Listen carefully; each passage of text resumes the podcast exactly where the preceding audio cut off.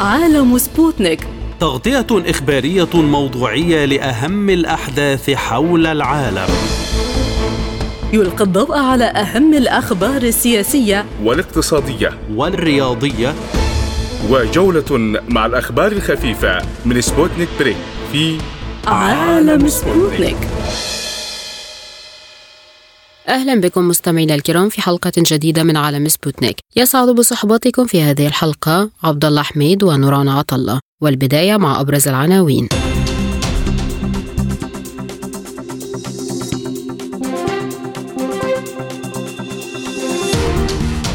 موسكو تعلن أنها ترفض موقف أنقرة من خطة زيلينسكي للسلام. الرئيس السوري بشار الأسد يشترط إنهاء الاحتلال ووقف دعم الإرهاب للتقارب مع تركيا.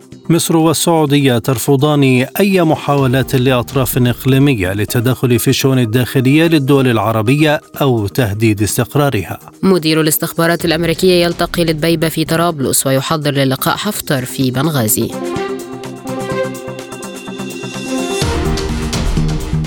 إلى التفاصيل. أكدت المتحدثة باسم الخارجية الروسية ماريا زخاروفا أن روسيا لا تتفق مع موقف تركيا التي تدعم خطة السلام الأوكرانية المزعومة.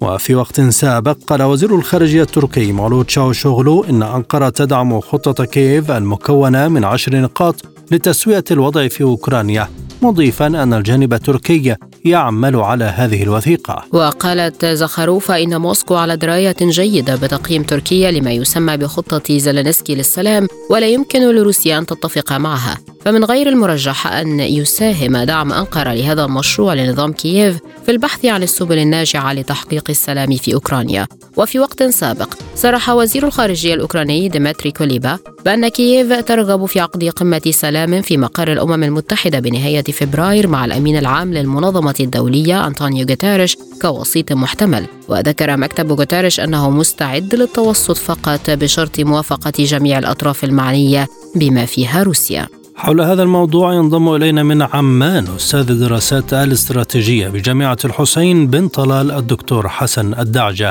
أهلا بك دكتور ما هي أهم نقاط الخلاف حول الخطة المزعومة؟ نعم تركيا تحاول أن تقرب وجهات النظر بين موسكو وكييف لكن كل عاصمة من هذه العواصم ترى أنها ممكن أن تجلس للتفاوض حول السلام من خلال الشروط الخاصة بها. كيف تعتقد أنها لن تجلس للمفاوضه حتى تتحرر كامل الأراضي في العملية العسكرية الأخيرة.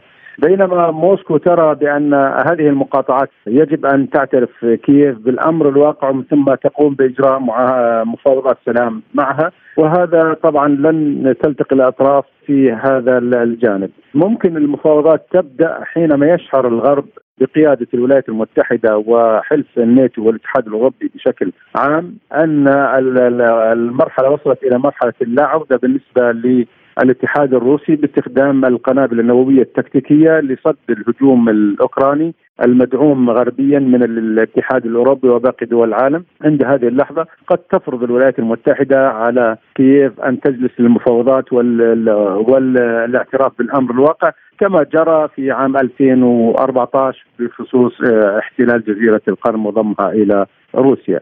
فقط أعتق... باعتقادي عند هذا الحد ممكن الضغط على كييف للبدء في مفاوضات في هذا الجانب. هل يمكن وضع تعديلات على هذه الخطة أو تقديم خطة بديلة لإطلاق مفاوضات جادة؟ نعم إذا تذكر في بداية العملية العسكرية الروسية عندما كانت الدبابات تطوق مدينة كييف وبعض المدن الرئيسية وكانت الاستراتيجية الروسية تقوم على ثلاث احتمالات على الأقل وثلاث سيناريوهات لكنها استطاعت أن تنجح في ضم المقاطعات الأربعة في دونباس وخيرسون ثم استطاعت أن تحمي الناطقين باللغة الروسية والعرق الروسي في هذه المنطقة بعد أن تعرض إلى كثير من التعذيب من قبل النازيين الجدد الذي ساهم الغرب في تعزيز هذه النظرة منذ عام 2014 وما قبلها والذي عمل عليها بحيث استطاع أن يغير النظام الموالي لموسكو إلى نظام موالي للغرب وبدأت القضايا والمشاكل يعني تبدأ في أوكرانيا ومن منها عندما أطلقت أوكرانيا استراتيجية عام 2020 بأنها تريد استعادة جزيرة القرم و2021 صرحت باستراتيجيتها الجديدة أنها تريد أن تحصل على القوة النووية وبالتالي كان هذا الخط الأحمر بالنسبة للاتحاد الروسي الروسي خصوصا عندما كانت هناك محاولات لضم حلف الشمال الأطلسي الناتو لأوكرانيا ومن ثم كان لروسيا الحق في بدء هذه العملية العسكرية. إذا نظرنا إلى التاريخ فالتاريخ يعيد نفسه أيام الاتحاد السوفيتي عندما وضع منصات الصواريخ في كوبا وكانت قريبة من شواطئ كاليفورنيا بحدود 60 ميلا تقريبا. هناك كما تعلم كانت أزمة الصواريخ الكوبية وتم التواصل التوصل إلى حلها من خلال آه، إزالة منصات الصواريخ التي وضعتها أمريكا في إيطاليا وفي تركيا قريبة على حدود الاتحاد السوفيتي ومن ثم أزال الاتحاد السوفيتي منصات الصواريخ الموجودة في كوبا ومن ثم تم تسوية الأمر. الآن إذا الطرف الغربي والروسي إذا وصل الطرفان إلى قناعة بأن هناك في إمكانية لاستخدام الأسلحة النووية التكتيكية أو غيرها أنا باعتقادي الغرب سيقر ويعترف بالامر الواقع الذي فرضه فرضته روسيا. ومن ثم الضغط على كييف لبدء مفاوضات، القضية كلها أن هناك إمدادات غير محدودة لكييف سواء بالأسلحة أو بالمال. إلى أي مدى تعكس هذه الخطة رغبة كييف للتفاوض وفي نفس الوقت هناك محددات للسير في هذا الخيار؟ أنا باعتقادي أن كييف هي رهين سياساتها رهينة للولايات المتحدة وحلف الشمال الأطلسي تحديدا، رأينا كيف أن دول الاتحاد الأوروبي كان منقسما على نفسه في قضية الدعم في البداية ومن ثم تم الضغط على هذه الدول من قبل حلف الشمال الأطلسي لتزويد أوكرانيا بالأسلحة. أنا باعتقادي إن الهدف الأساسي من هذه من هذه الاستفزازات الأمريكية تجاه الاتحاد الروسي هي لفصل لفصل عرى العلاقات الألمانية الروسية من خلال إيقاف ضخ الغاز عبر نورد ستريم 1 ونورد ستريم 2 لألمانيا أنا باعتقادي إن الذي يتضرر أكثر آه، هي ألمانيا من الاتحاد الأوروبي والاتحاد الأوروبي بشكل عام دول الاتحاد الأوروبي بشكل عام. لأن كما تعلم أن الاتحاد الأوروبي في النهايات كما أعلن آه، ماكرون ان أن على الاتحاد الأوروبي إيجاد جيش يحمي الاتحاد الأوروبي. هذا كان في زمن آه، عهد ترامب في الرئاسة السابقة. وصرح أكثر من مرة أن يجب أن بما معناه أن تستقل أوروبا عسكريا عن الولايات المتحدة، الآن مع هذه الحرب استطاعت أمريكا بهذه الاستراتيجية الاستفزازية للاتحاد الروسي بأن تعيد الاتحاد الأوروبي وحلف الشمال الأطلسي إلى إلى سيطرتها ونفوذها وهذا الآن هي تقوم بنفس السيناريو تجاه الصين من خلال استفزازاتها في جزيرة تايوان.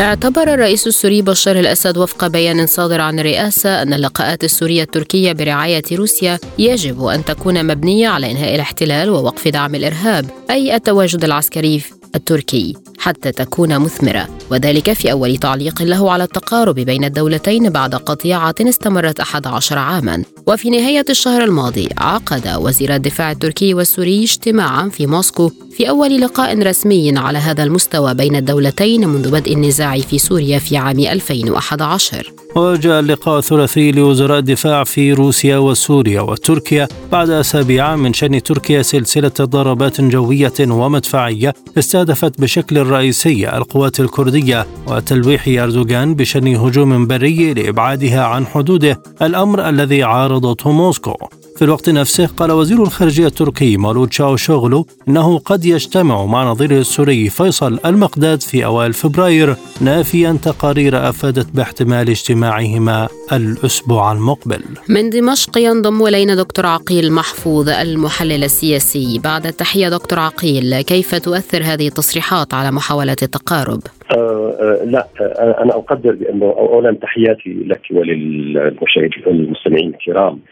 هذه التصريحات هي هي من أجل اولا ضغط سقف التوقعات. هناك في الإعلام والخطاب الإعلامي والسياسي الكلام كثير عن أن الأمور انتهت وأن مسار التصريح بين قوسين آه، قد قضى وانطلق بسرعة، يجب أن يكون هناك نوع من الضبط ونوع من عقلنه التوقعات إن أمكن التعبير، آه، هناك اشتراطات. ما قاله الرئيس بشار الاسد لم يكن آه، بعيدا عن أولى التصريحات التي ذكرت منذ طرح فكرة التقارب من أن هذا التقارب ممكن نعم لكن مشروط.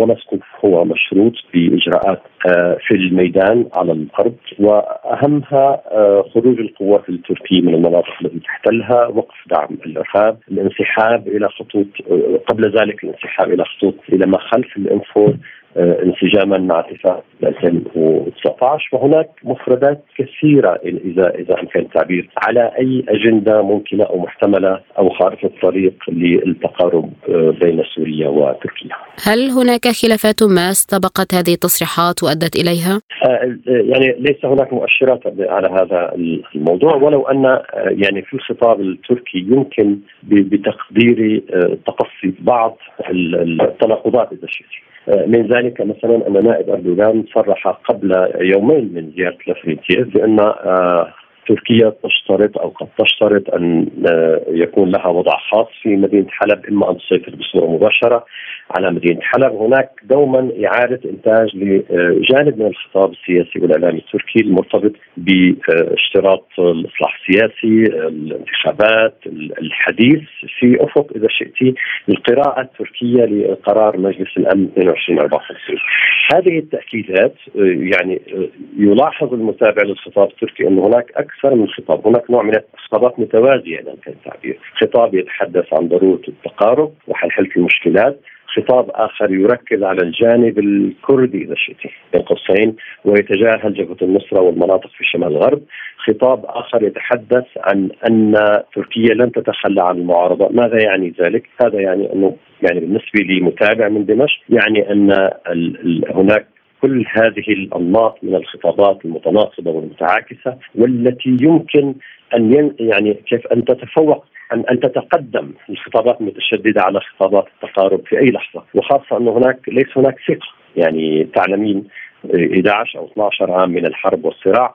هناك صعوبة في بناء الثقة بين الجانبين ولو أن الجانب الروسي يركز ويبذل جهد جهود كبيرة ومعه الإيرانيين أيضا إلى حد ما من أجل حلحلة العقد آه، في هذا المسار. وهناك رغبة روسية أكيدة بأن يكون هناك شيء ما بين سوريا وتركيا قد يساعد في حل الأزمات في سوريا والإقليم كان هناك اجتماع مقرر بين وزراء الخارجية بوساطة روسيا لكنه تأجل. لماذا برأيك؟ نعم هذا هو في أفق الحديث والإجابات أو النقاش الذي يجري اليوم. قد يتطلب الأمر المزيد من من الإعداد. آه، يتطلب الأمر قبل ذلك يعني منذ اجتماع وزيري الدفاع يجب ربما يجب أن يحدث شيء ما على الأرض لم تحدث أمور. من الواضح أن آه، ربما كانت سوريا تأمل أن تكون هناك تطورات أفضل أو أو أكبر بهذا الخصوص. أقدر بأنه الموقف السوري ليس رفضا. بالتمام للنقاش والحوار ولأن يكون هناك خارطة طريق لمراجعة العلاقه مع تركيا وإنما المطلوب بالفعل أن يكون هناك إجراءات في الواقع وفي الميدان. وأن لا يكون هذا التقارب هو كما ذكر آه، مصدر وكما قرات في الإعلام أن يكون آه، هذا الموضوع مرتبطا بغايات يعني يجب أن يتجاوز الموضوع الدوافع الداخلية التركية إلى إلى شيء يخص سوريا وتركيا إلى قضايا بينية آه، مباشرة. آه، هذا هذه قراءة أولية للموضوع وأعتقد أن الأمر يتطلب المزيد من التدقيق آه، بانتظار مؤشرات أخرى تفصح أو تبين لماذا كان الموقف السوري هيك بدا كما لو أنه تشدد في مقاربة هذا الموضوع. إذا ما هي أبرز الخلافات والمطالب التي تعتبر صعبة بالنسبة للجانبين التركي والسوري؟ آه، بتقديري هذا هذا هو أصل الموضوع إذا شئت، النقطة الأولى هي الانسحاب من القوات التركية من المناطق التي تحتلها تفكيك هذا الارتباط الوثيق إذا شئت بين تركيا وبين جبهة النصرة والمنظمات المصنفة إرهابيا وموضوع اللاجئين بطبيعة الحال وهناك مفردات تتجاوز ذلك وخاصة أن تركيا يعني تدخلها في المشهد السوري ليس تدخلا يعني هنا من الصعب أن نقدم يعني مقاربة بسيطة له هو تدخل معقد فيه مفردات كثيرة. الخطاب السياسي السوري يركز على الخروج القوات المسلحة التركية أو الجيش التركي الذي يحتل الأراضي آه، آه، أيضا وقف دعم الإرهاب وإعادة سلطة الدولة على المناطق شمال الغرب وحتى المناطق الحدودية. هذه هي الخطوط الأساسية. كيف يمكن أن يصل ذلك؟ أنا أجد أن المهمة بالغة الصعوبة وأن هذا العمل على تقارب بين سوريا وتركيا هو من المهمات يعني صحيح أنه ملح وضروري لكنه دونه صعوبات فائقة بالتقدير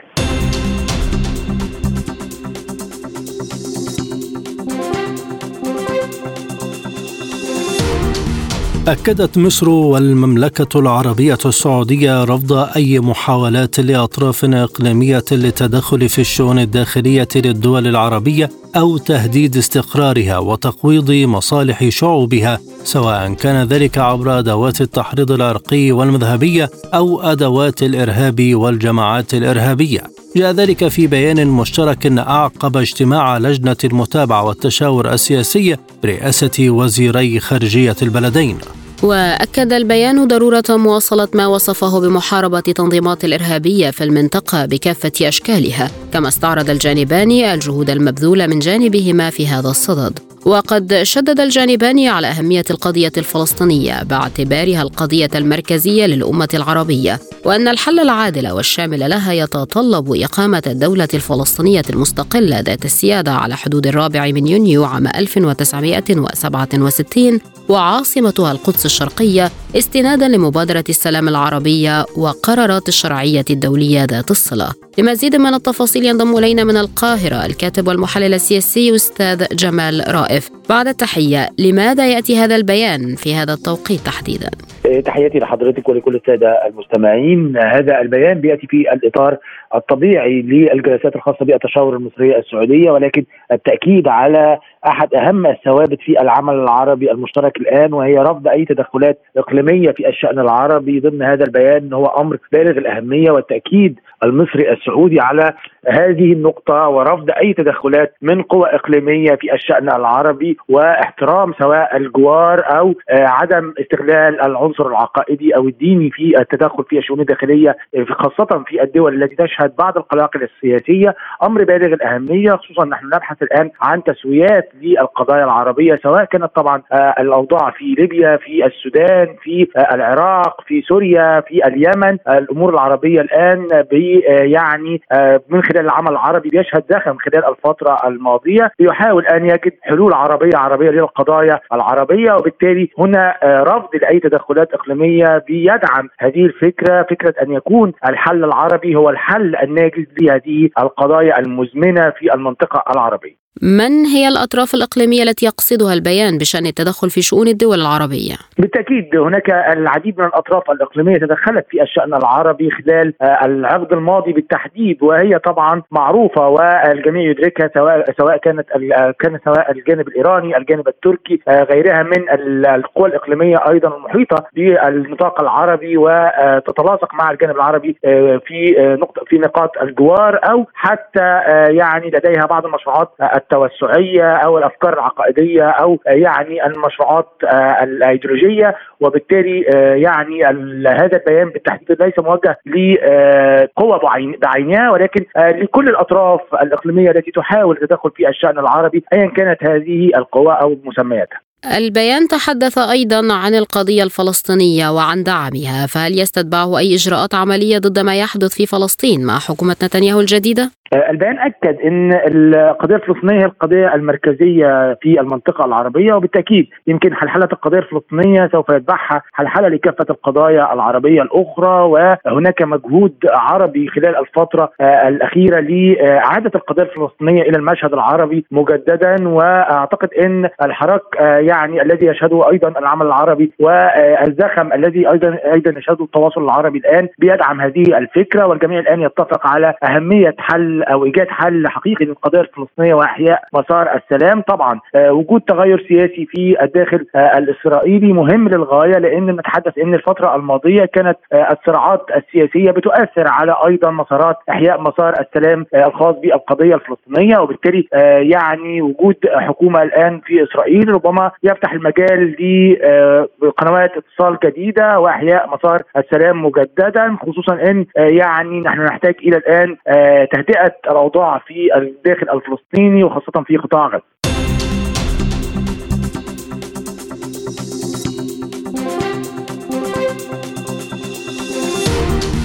التقى مدير وكالة الاستخبارات المركزية الأمريكية اي وليام بيرنز رئيس حكومة الوحدة الوطنية الليبية عبد الحميد دبيبة في العاصمة طرابلس وقال المكتب الإعلامي لرئيس حكومة الوحدة عبر فيسبوك إن دبيبة استقبل بيرنز ومعه القائم بالأعمال في السفارة الأمريكية والوفد المرافق له. وحضر اللقاء وزيرة الخارجية بحكومة الوحدة نجلاء المنقوش ورئيس جهاز الاستخبارات حسين العائب. ووفقا لبيان المكتب الإعلامي فقد أكد بيرنز خلال اللقاء ضرورة تطوير التعاون الاقتصادي والأمني بين البلدين مشيدا بحالة الاستقرار والنمو الذي تشهده ليبيا خلال الفترة الأخيرة ونقل البيان عن دبيبة قوله إن الهدف هو استقرار ليبيا ودعمها دوليا من أجل الوصول إلى الانتخابات. ومن المتوقع أن يلتقي بيرنز المشير خليفة حفتر في مقره بمدينة بنغازي شرقي البلاد أيضاً. من بنغازي ينضم إلينا مساعد وزير الخارجية الأسبق الدكتور عثمان البدري. أهلا بك دكتور. ما الهدف من هذه الزيارة برأيك لهذا المسؤول الأمريكي الكبير إلى طرابلس؟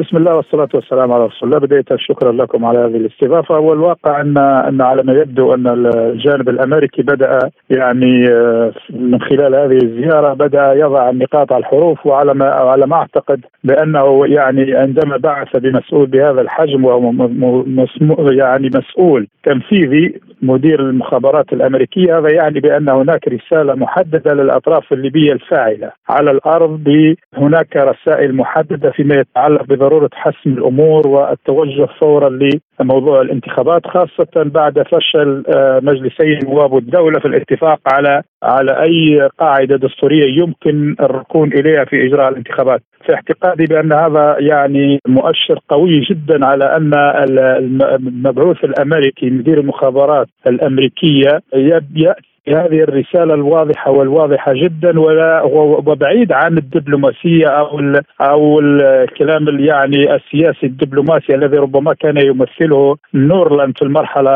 الماضية. الآن على ما يبدو أن الأمور أكثر تطورا في هذا الجانب وأن الجانب الأمريكي يبدو أن لديه يعني رسالة واضحة محددة تحديد أكيد دقيق فيما يتعلق بحسم الأمور في في الساحة الليبية. لكن الموقف الأمريكي لم يعطي أهمية أهمية آه، لليبيا منذ مجيء الإدارة الأمريكية. فما المختلف الآن وماذا تريد الولايات المتحدة من ليبيا في هذا التوقيت؟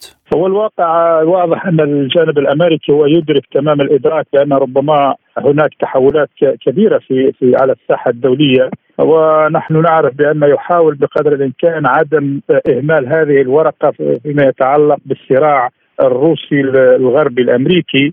ففي اعتقادي بانه بأن هذا التحول وبهذا الشكل وبهذه القوة ربما ينبئ ان السياسة الأمريكية بدأت تتغير في هذا الاتجاه خاصة ونحن نعرف بأن هناك صراع الروسي الأوكراني على سبيل أو الحرب الروسية الأوكرانية. في اعتقادي بأن حوض البحر الأبيض المتوسط ربما الآن يمثل أهمية خاصة فيما يتعلق في هذا الصراع. بالتالي آه، على ما يبدو أن الموقع الجغرافي لليبيا تحديدا مثلما كان دائما له أهمية خاصة في الصراعات الدولية منذ الحرب العالمية الأولى والثانية على ما يبدو أن هناك إدراك من الجانب الأمريكي لأهمية هذا هذا الموقع الاستراتيجي.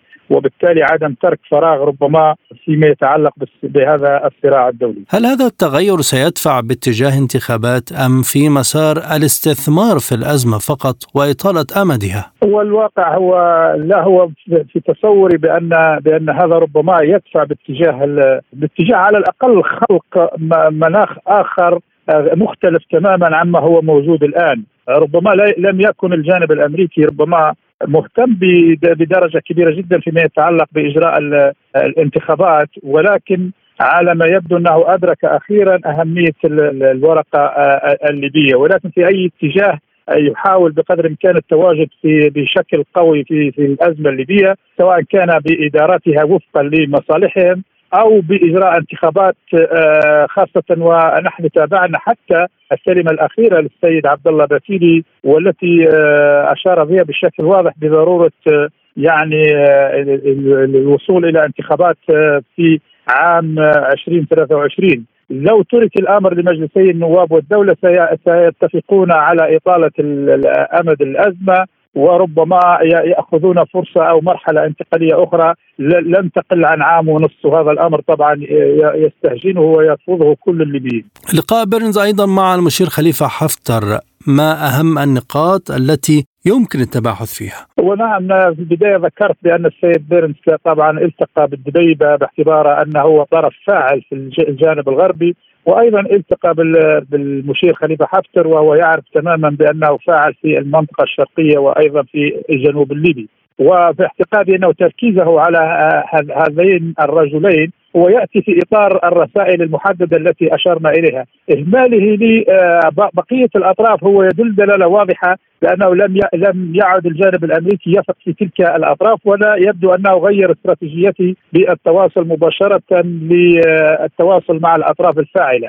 وفي اعتقادي بأنه الجانب الأمريكي لن يرضى بأن يكون مثلا الجيش الليبي تحديدا يأتي في يعني يكون على تواصل مباشر مع روسيا مثلا أو مع الطرف الروسي إنما يحاول بقدر الإمكان حتى الجانب الأمريكي الآن التواجد في في هذا المجال خاصة مثل ما أشرنا إلى هذا الصراع الذي ربما سيكون حوض البحر الأبيض المتوسط ساحة لهذا الصراع المتوقع الحقيقة. أخيرا ما مصير حكومتي دبيبه وبشاغه في ظل زيارات مختلفة مسؤولين دوليين وحراك سياسي داخلي على ما يبدو أن الاقرب الأقرب هو التوافق مع هذين الرجلين على على حكومة ثالثة وإنهاء أو دمج هاتين الحكومتين. لابد من طبعا لكي تتحقق الأهداف لابد من وجود جسم تنفيذي واحد. أما في ظل الانقسام المؤسسي وحكومتين لا يمكن بأي حال من الأحوال إجراء انتخابات التي يأملها الشعب الليبي ولا حتى بعض الأطراف الدولية التي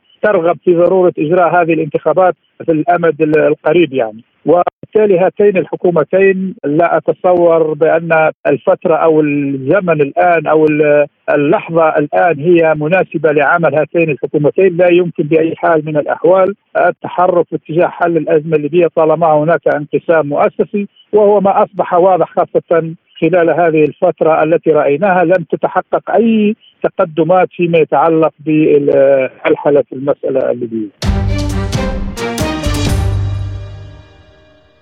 الآن مستمعين إليكم فاصل قصير ونذهب بعده إلى جولة إخبارية حول العالم. عالم سبوتنيك يغطي جميع الأحداث السياسية والاقتصادية والرياضية حول العالم. على مدار ساعة تتابعون عالم سبوتنيك مع أهم خبراء التحليل السياسي والاقتصادي.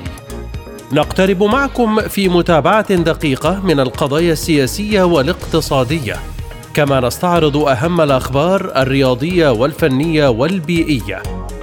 انتظروا عالم سبوتنيك أيام الجمعة والسبت والأحد من كل أسبوع. مساحة حرة. برنامج يسلط الضوء على أهم القضايا الاجتماعية والاقتصادية حول العالم. في مساحة حرة تنوع في الآراء وثراء في النقاش. مساحة حرة.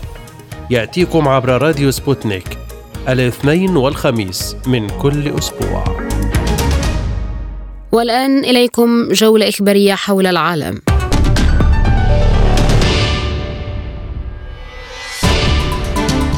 والآن إليكم جولة إخبارية حول العالم. أعلن إيغور كيماكوفسكي مستشار القائم بأعمال رئيس الجمهورية لدونتسك أن الوحدات الروسية تطوق مدينة أرتيوموفسك وقال إن العملية المعدة أدت إلى النجاح حيث تم تطويق المدينة ولم يتمكن العدو من إيصال الذخيرة إلى هناك وتحريك القوات. وأضاف أن الوضع يتطور في أرتيموفسك والمدينة الآن أيضا مطوقة من كلا الجانبين وتعمل المدفعية الروسية بإحكام شديد حول المدينة وهو ما يدعو إلى التفاؤل بشكل كبير. أكدت وزارة الخارجية الروسية أنه يجب أن يؤخذ انضمام المناطق الجديدة إلى روسيا في الاعتبار حال استئناف المفاوضات مع أوكرانيا. وأشار أليكسي بولوشوك رئيس الإدارة الثانية لشؤون رابطة الدول المستقلة لدى الخارجية الروسية لأنه منذ أن أوقفت كييف عمليات المفاوضات تغير الوضع بشكل كبير وانضمت مناطق جديدة إلى روسيا. وتابع أنه في نهاية فبراير 2022 استجابت موسكو لطلب كييف وبعد عدة جولات من العمل الجاد تم التوصل إلى أساس مقبول للطرفين لاتفاقيات. لكن كييف وبناء على طلب الأنجلو ساكسون على ما يبدو الذين كانوا خائفين من احتمال التوصل إلى تسوية سلمية أوقفت بشكل غير متوقع عملية المفاوضات وتركت مقترحاتنا في الخامس عشر من إبريل دون إجابة. وبعد ذلك لم يطرأ تطور على مسار المفاوضات وأكد أن روسيا لا ترفض المفاوضات. أكد وزير الخارجية الإيراني حسين أمير عبد اللهيان استمرار دعم إيران للشعب والحكومة والجيش والمقاومة في لبنان. وقال عبد اللهيان إن إيران على ثقة بأن القوى السياسية قادرة على أن تحل أمورها بنفسها. وقال عقب وصوله بيروت إن زيارته للبنان تأتي في سياق دعوة رسمية موجهة من وزير الخارجية عبد الله أبو حبيب من أجل إجراء محادثات والتشاور وتبادل وجهات النظر في مختلف التطورات سواء التطورات المحلية والإقليمية والدولية وذلك ضمن تطورات ومناقشات ما يجري في فلسطين المحتلة. ودعا الوزير الإيراني جميع القوى والفرقاء والتيارات السياسية الفاعلة والمؤثرة إلى أن تمضي قدما من خلال الحوار الرئيسي بينها لتصل إلى مرحلة تتمكن من خلالها انتخاب رئيس جديد للجمهورية اللبنانية واستكمال العملية السياسية لما يخدم المصالح الوطنية للبنان.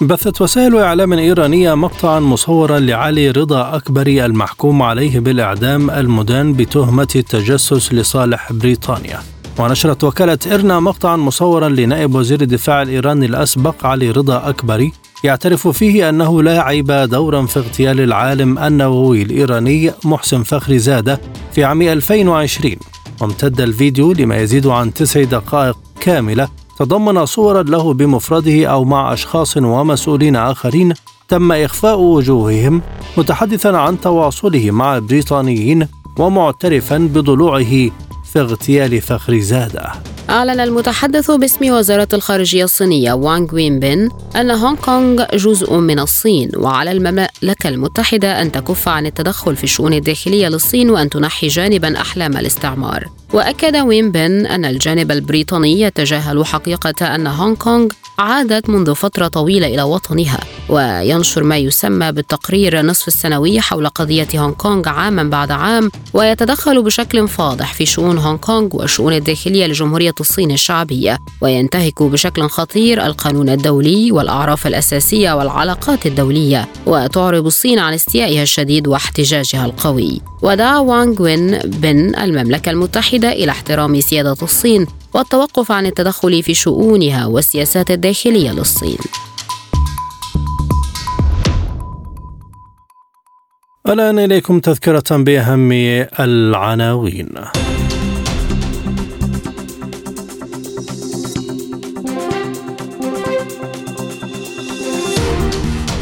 موسكو تعلن أنها ترفض موقف أنقرة من خطة زيلينسكي للسلام. الرئيس السوري بشار الأسد يشترط إنهاء الاحتلال ووقف دعم الإرهاب للتقارب مع تركيا.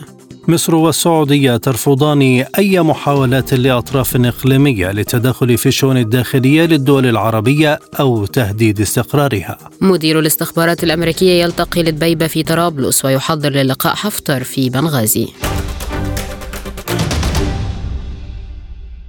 الآن مستمعين إليكم مجموعة من الأخبار الاقتصادية.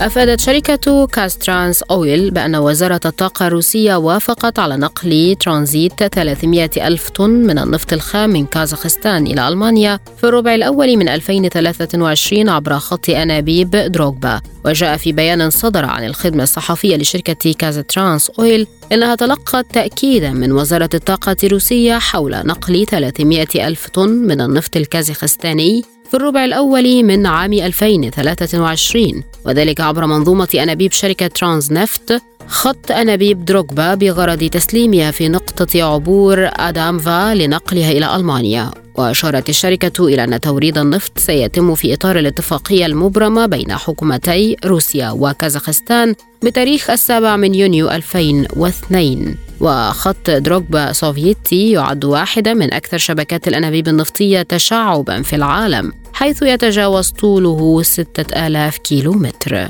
أعلن اتحاد الحبوب الروسي أن روسيا قادرة على سد 40% من احتياجات الجزائر من القمح. وقالت مديرة قسم التحليلات في اتحاد الحبوب الروسية إلينا تيورينا إن روسيا قادرة خلال السنة الزراعية 2023-2024 على توفير ما يصل إلى 40% من متطلبات الجزائر من القمح والتي تشكل حوالي 3.5 مليون طن.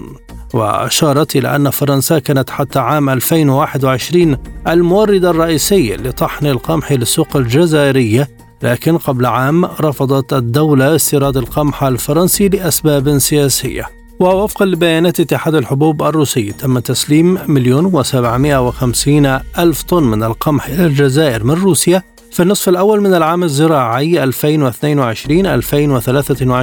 حيث زاد ب 5.2 مرة مقارنة بالفترة نفسها من الموسم الماضي. تراجعت أسعار النفط في التعاملات المبكرة مع أنها في طريقها نحو تحقيق مكاسب بأكثر من 6% هذا الأسبوع على خلفية مؤشرات قوية على نمو الطلب في الصين أكبر مستورد للنفط الخام. وتوقعات برفع أسعار الفائدة الأمريكية بوتيرة أقل حدة. وانخفضت العقود الآجلة لخام برنت 17 سنتا أو فاصل 2 من 10% إلى 83 دولارا و86 سنتا للبرميل. في حين هبطت العقود الآجلة لخام غرب تكساس الوسيط الأمريكي 12 سنتا أو فاصل 2 من 10% إلى 78 دولارا و27 سنتا.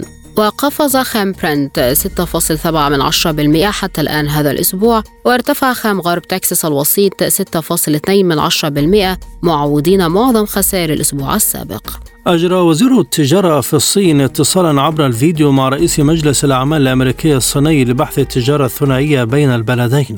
وعرب وزير التجارة الصيني خلال اتصال عن استعداده للعمل مع الإدارة الحكومية الأمريكية ذات الصلة لتعزيز التعاون التجاري بين الجانبين. انكمشت صادرات الصين بشدة في ديسمبر مع تباطؤ الطلب العالمي في حين تراجعت الواردات أيضا مرة أخرى وسط تأثير ارتفاع الإصابات بفيروس كورونا وتراجع قطاع العقارات بشدة على الطلب المحلي. وكانت الصادرات واحدة من النقاط المضيئة القليلة في ثاني أكبر اقتصاد في العالم خلال الوباء لكنها تراجعت سريعا منذ أواخر عام 2022 إذ خفض المستهلكون في الخارج الإنفاق على خلفية رفع البنوك المركزية معدلات الفائدة بشدة لكبح جماح التضخم. ومن المتوقع أن يستمر هذا الضعف في العام الجديد مع تأرجح الاقتصاد العالمي على شفا الركود. لكن من المتوقع أن تتعافى واردات الصين ببطء في الأشهر المقبلة بعد رفع الإجراءات الصارمة لمكافحة فيروس كورونا.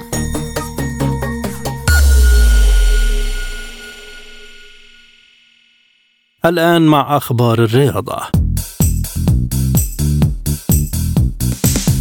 تصدى حارس المرمى الألماني مارك أندري ترشتيغن لركلتين ترجيحيتين وقاد فريق برشلونة إلى نهائي الكاس السوبر الإسبانية لكرة القدم بفوزه على ريال بيتيس بركلات الترجيح 4-2 بعد تعادلهما 2-2 في الوقتين الأصلي والإضافي على ملعب الملك فهد في العاصمة السعودية الرياض. ضرب موعدا مع غريمه التقليدي ريال مدريد في موقعة الكلاسيكو. ويدين برشلونة بتأهله إلى تير شتيغن الذي تعملق بين الخشبات الثلاث ووقف سدا منيعا أمام هجمات بيتيس خلال المباراة قبل أن يتصدى لركلتي خوانمي خيمينيز والبرتغالي ويليام كارفاليو خلال سيناريو ركلات ترجيح. ويلتقي برشلونة بغريمه التقليدي ريال مدريد مساء الأحد القادم على أرضية ملعب الملك فهد الدولي بالعاصمة السعودية الرياض بداية من العاشرة بتوقيت مكة المكرمة. ذكرت وسائل إعلام إسبانية أن جواو مينديز نجل رونالدينيو مهاجم البرازيل وبرشلونة السابق يجري اختبارات مع فريق برشلونة للشباب. وذكرت صحيفة سبورت الإسبانية أن اللاعب البالغ من العمر 17 عاما والذي أنهى عقده مع نادي كروزيرو البرازيلي قد ينضم إلى أكاديمية برشلونة للشباب. في خطوة يشرف عليها شخصيا رئيس النادي جوان لابورتا. وقضى رونالدينيو الذي يعمل الآن سفيرا للنادي خمس سنوات في كامب نو كلاعب من 2003 إلى 2008 وخاض أكثر من 200 مباراة مع برشلونة وسجل قرابة 100 هدف مما ساعدهم على الفوز بلقب دوري أبطال أوروبا. ولقبين في الدوري الإسباني وكان ضمن المنتخب البرازيلي الفائز بكأس العالم 2002 تعثر منتخب السعودية لكرة اليد في أول اختبار له ببطولة كأس العالم 2023 التي انطلقت أول أمس الأربعاء على الأراضي البولندية والسويدية. وخسرت السعودية أمام سوليفينيا بنتيجة 33 مقابل 19 ضمن منافسات المجموعة الثانية التي تضم فرنسا وبولندا. لتتعقد فرص الفريق في المنافسة على مقعد مؤهل للمرحلة الأساسية للمونديال.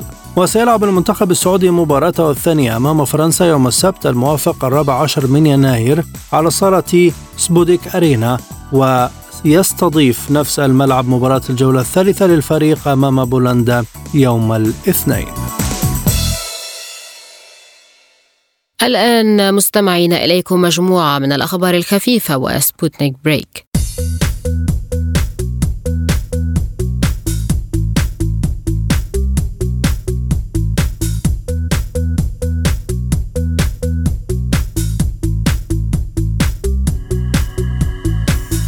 أعلن المكتب الإعلامي لجامعة بيترسبرغ للعلوم التطبيقية أن علماء الجامعة ابتكروا عقارا يحفظ الذاكرة وفعال في مكافحة مرض ألزهايمر. ويشير المكتب إلى أن الاختبارات التي أجريت على الحيوانات المخبرية أثبتت فعالية العقار. وتقول لينا بابوغايفا كبيرة الباحثين بالجامعة أن هذا العقار يهدف إلى الحد من فقدان الروابط بين الخلايا ما يساعد على حفظ الذاكرة.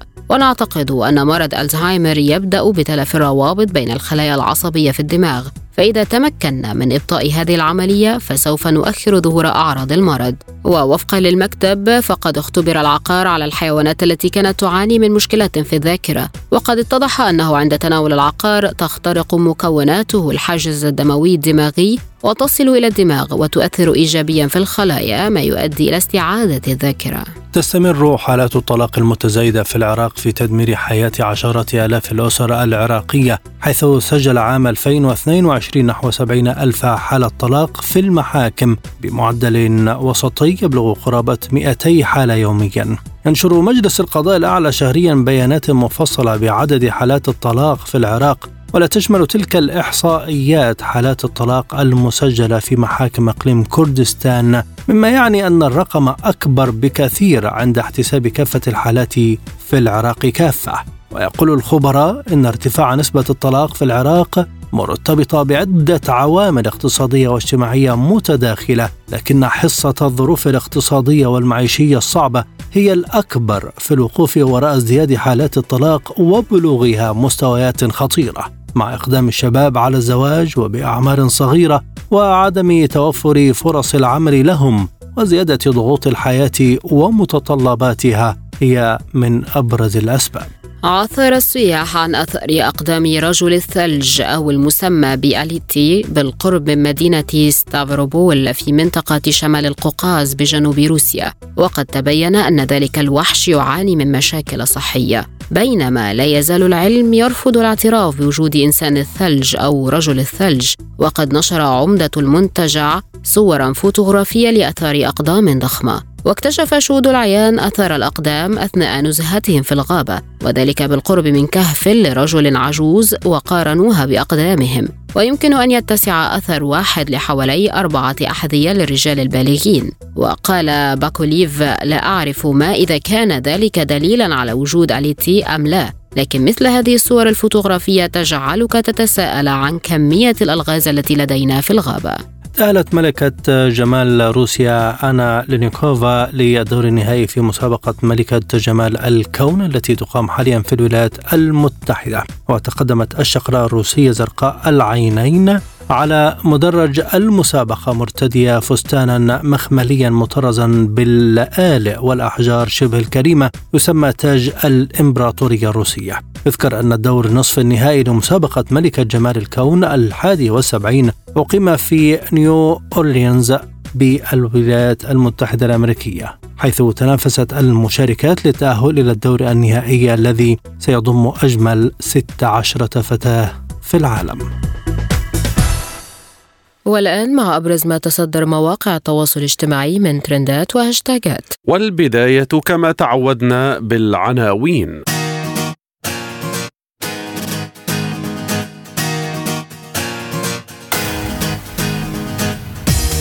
إيران تستدعي السفير العراقي والسبب كأس الخليج 25 تعرف على التفاصيل. أكبر تراجع للجنيه المصري أمام الدولار والمصريون يجأرون من غلاء الأسعار. هل طلب جوج وصوف تلاوة القرآن في عزاء نجله وديع؟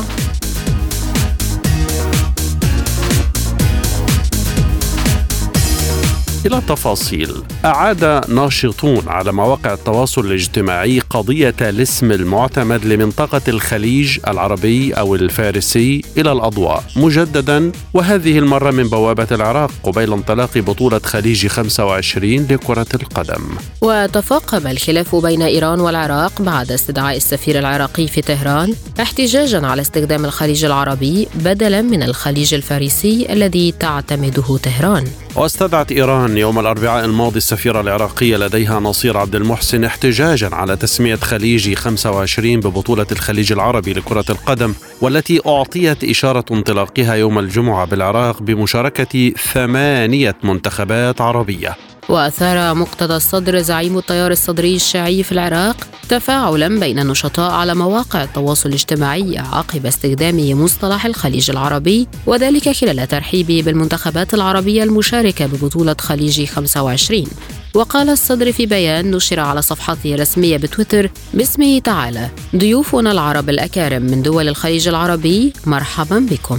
وقد انقسم رواد مواقع التواصل حول هذه القضية عبر وسوم مثل الخليج الفارسي، كأس الخليج 25، الخليج العربي وغيرها. فقال أحمد عبد السادة: إيران تطل على خليج عمان لكنها لا تسميه خليج إيران، والهند تطل على بحر العرب لكنها لا تسميه بحر الهند، وإندونيسيا تطل على المحيط الهندي لكنها لا تسميه المحيط الإندونيسي. لماذا؟ لأن هذه التسميات رسمية ومثبتة في الأمم المتحدة. اسم الخليج الفارسي مثبت كذلك ولا يحق لأي دولة تغييره وتناقل كثيرون تصريح للرئيس المصري الأسبق جمال عبد الناصر وهو يقول الخليج الفارسي. وقال فيصل أدويسان معلقا الرئيس العربي المصري الأسبق جمال عبد الناصر يقول نحن مع القومية العربية مجتمعة من المحيط الأطلسي إلى الخليج الفارسي. تعليق زعيم عروبي قومي لم يسمه الخليج العربي وما خونه العرب ولا الأعراب. اشحد ما بدا.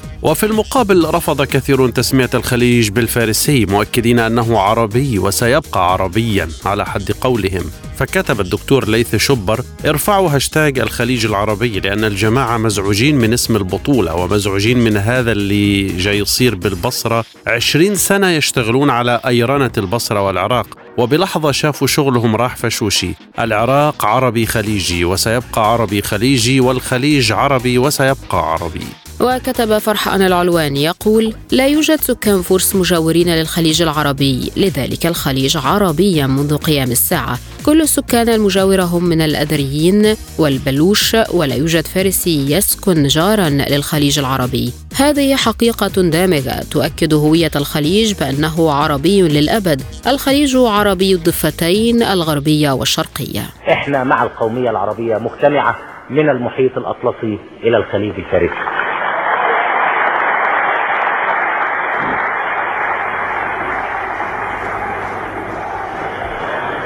زي ما قلت لكم من المحيط الأطلسي إلى الخليج الفارسي. ترعى من المحيط الأطلسي إلى الخليج الفارسي رغم انف الاستعمار ورغم أنف المتآمرين من المحيط الأطلسي إلى الخليج الفارسي كلنا عرب بنتكلم لغة عربية. هذه قوة يجب أن يعمل لها حساب. من المحيط الأطلسي إلى الخليج الفارسي.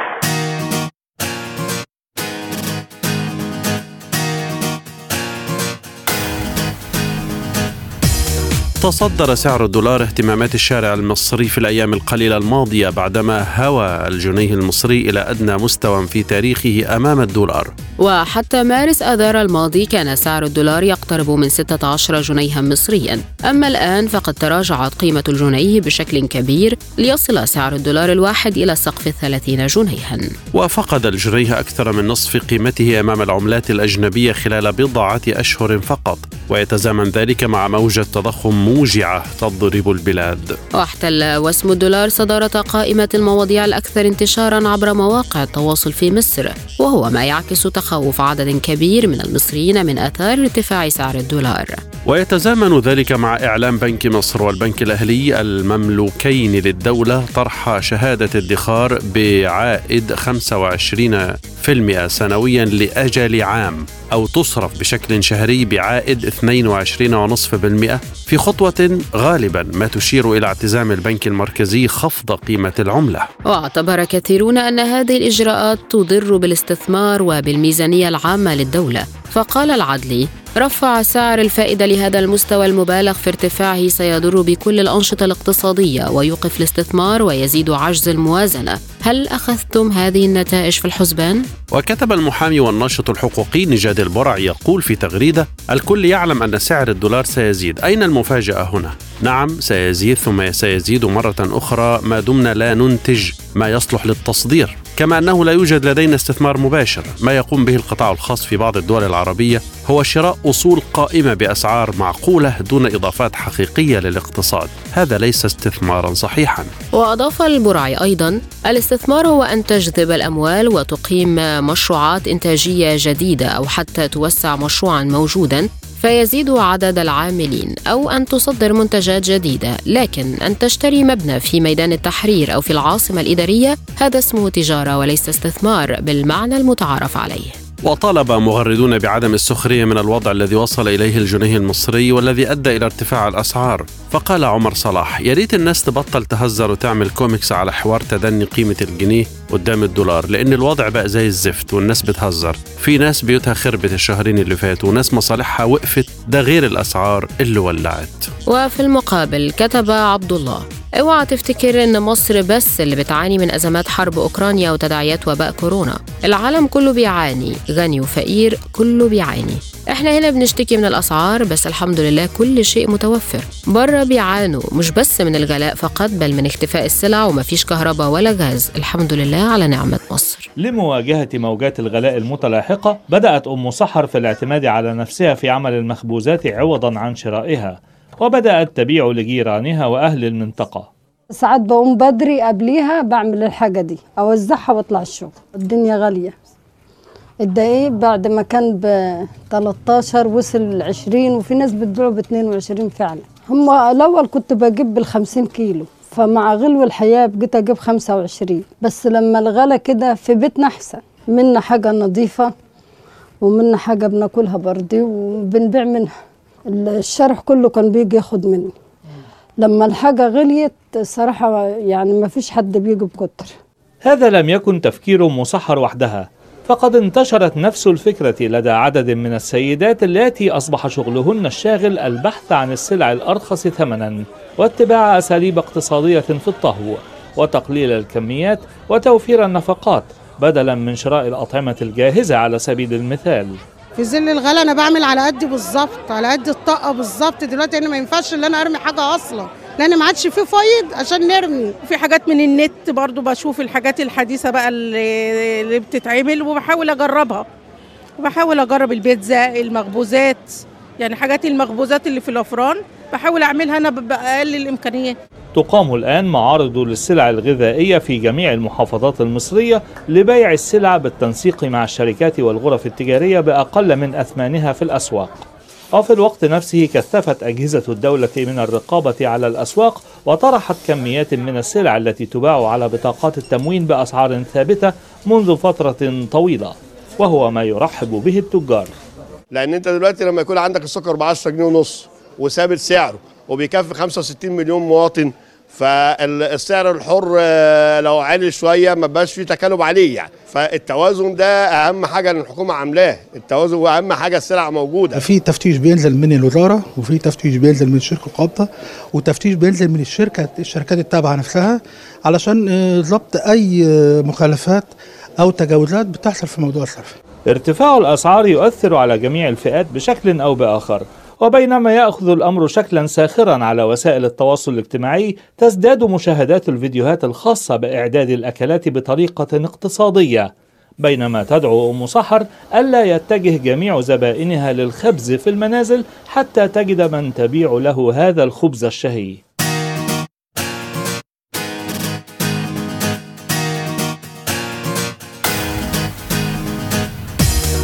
تداول رواد مواقع التواصل الاجتماعي مقطع فيديو لشيخ ياسر الصالح وهو يتلو آيات من القرآن الكريم في عزاء نجل المطرب السوري جورج وسوف بمسقط رأسه كفرون في سوريا. وبحسب ما تم تداوله فإن تلاوة الآيات جاءت بطلب مباشر من سلطان الطرب جورج وصوف وفي تصريح له قال الشيخ ياسر الصالح إنها ليست المرة الأولى الذي يطلب منه وصوف ذلك فقد سبق وأن طلب منه تلاوة سورة مريم في عزاء والدته سابقا. ولفت الصالح إلى أن الفنان جورج وسوف يحفظ من كتاب الله وعندما قرأت له سورة مريم في إحدى الزيارات السابقة كان يرددها معي. وقد أثارت قراءة القرآن في عزاء نجل أبو وديع تفاعلا واسعا عبر مواقع التواصل الاجتماعي.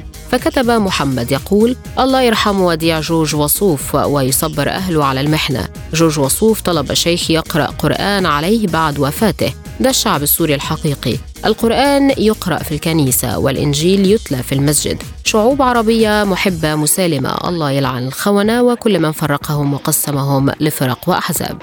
بينما كتبت سحر ناصر تقول مقزز ومثير للاشمئزاز الشخص الذي يعلق على أحزان الناس ومصيبتهم ومأساتهم وقهرهم وهم يصرخون ويعايرهم بأنه من ديانة أخرى. لا دين لك إذا لم تكن رحيما ولم يدمع قلبك لمشهد موت ابن يدفنه أبوه وأمه.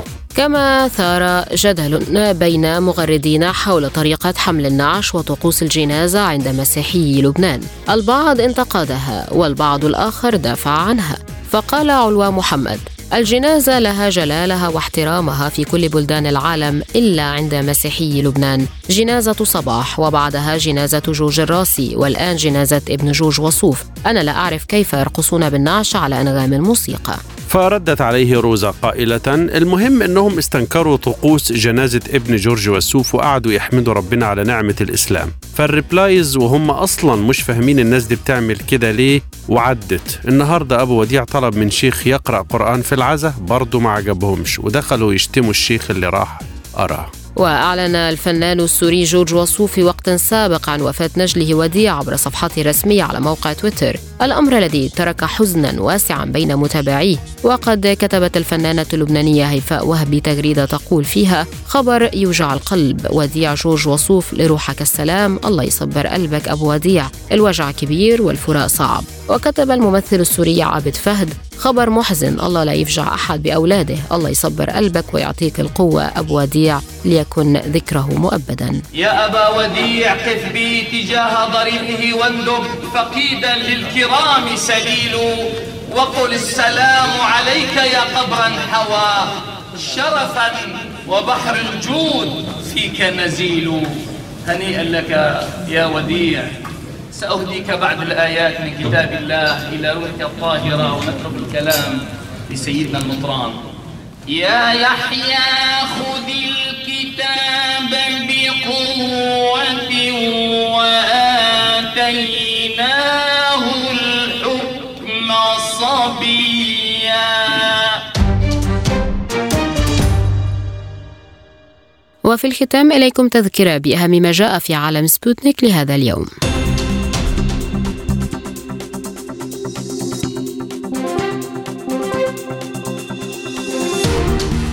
موسكو تعلن أنها ترفض موقف أنقرة من خطة زيلينسكي للسلام.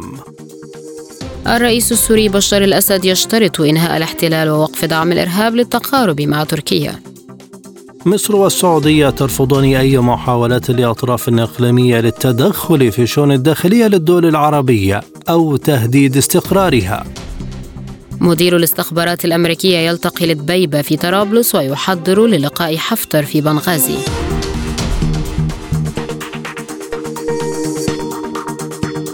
من أخبارنا الاقتصادية وزارة الطاقة الروسية توافق على نقل ترانزيت 300 ألف طن من النفط الخام من كازاخستان إلى ألمانيا.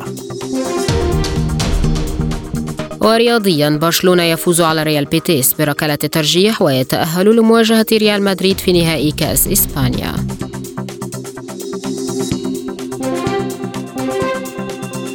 للمزيد زوروا موقعنا سبوتنيك دوت اي اي إلى اللقاء.